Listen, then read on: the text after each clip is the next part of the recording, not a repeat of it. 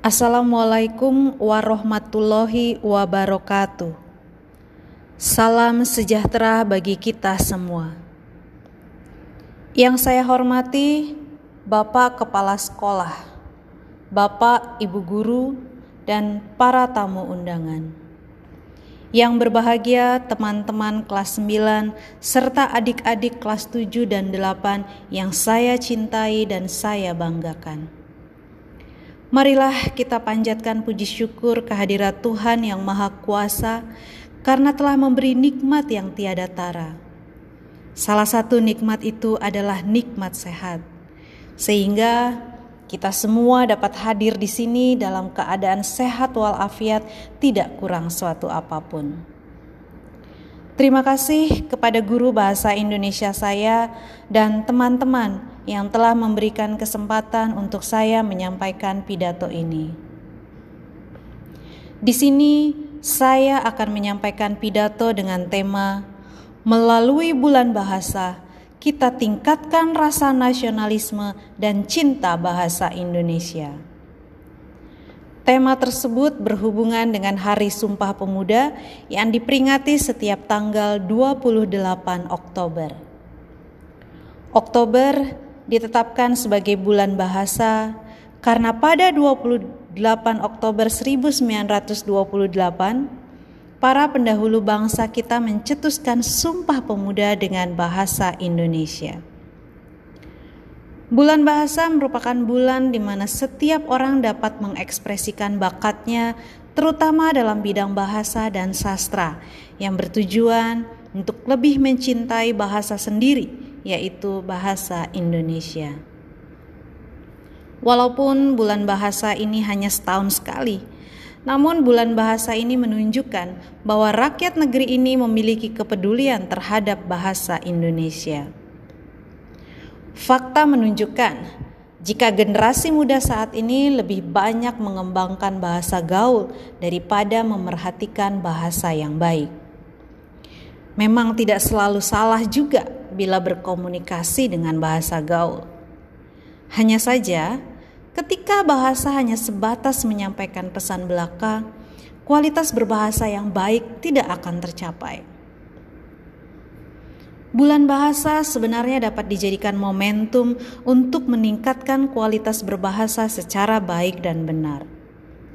Tapi jangan pula hanya sekedar pada bulan Oktober saja karena berbahasa merupakan proses yang harus dibiasakan. Semakin terbiasa untuk berbahasa dengan baik, semakin membantu kita untuk terus meningkatkan kualitas berbahasa. Bulan Oktober juga tidak sekedar menjadi bulan bahasa, tapi juga bulan sastra. Kita pun sebaiknya perlu belajar untuk memberi porsi yang cukup pada bidang sastra Masalahnya, untuk bidang ini pun kita masih ketinggalan dari negara-negara lainnya. Para siswa perlu lebih banyak mengenal karya sastra.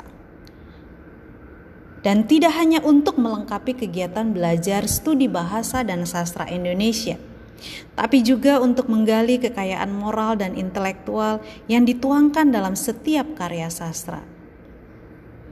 Dengan bulan bahasa ini, diharapkan dapat menggunakan bahasa Indonesia untuk mengungkapkan keinginan, kemampuan, ilmu, dan pengetahuan kita dengan berbahasa Indonesia. Negara kita tetap bersatu padu dan tidak ada perbedaan, meski berbeda budaya ataupun adat, tetapi persatuan harus tetap kita pegang teguh dengan bahasa satu, bahasa Indonesia.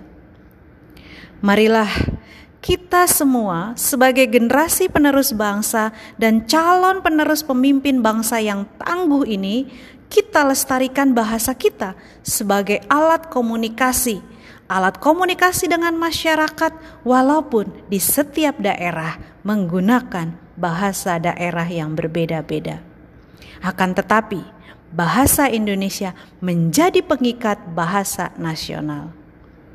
Ingatlah, bahasa dan sastra Indonesia itu merupakan hartamu juga.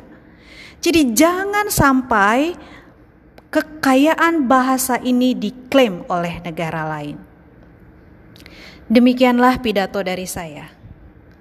Intinya, kita sebagai generasi muda harus menjadikan bahasa Indonesia sebagai bahasa persatuan dengan cara menggunakan bahasa Indonesia yang baik dan benar dalam kehidupan sehari-hari.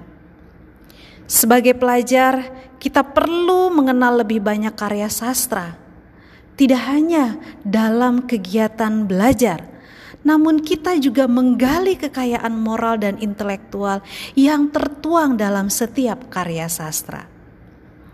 Saya mohon maaf apabila dalam menyampaikan pidato ada kata atau ucapan yang kurang tepat dan berkenan. Wassalamualaikum warahmatullahi wabarakatuh.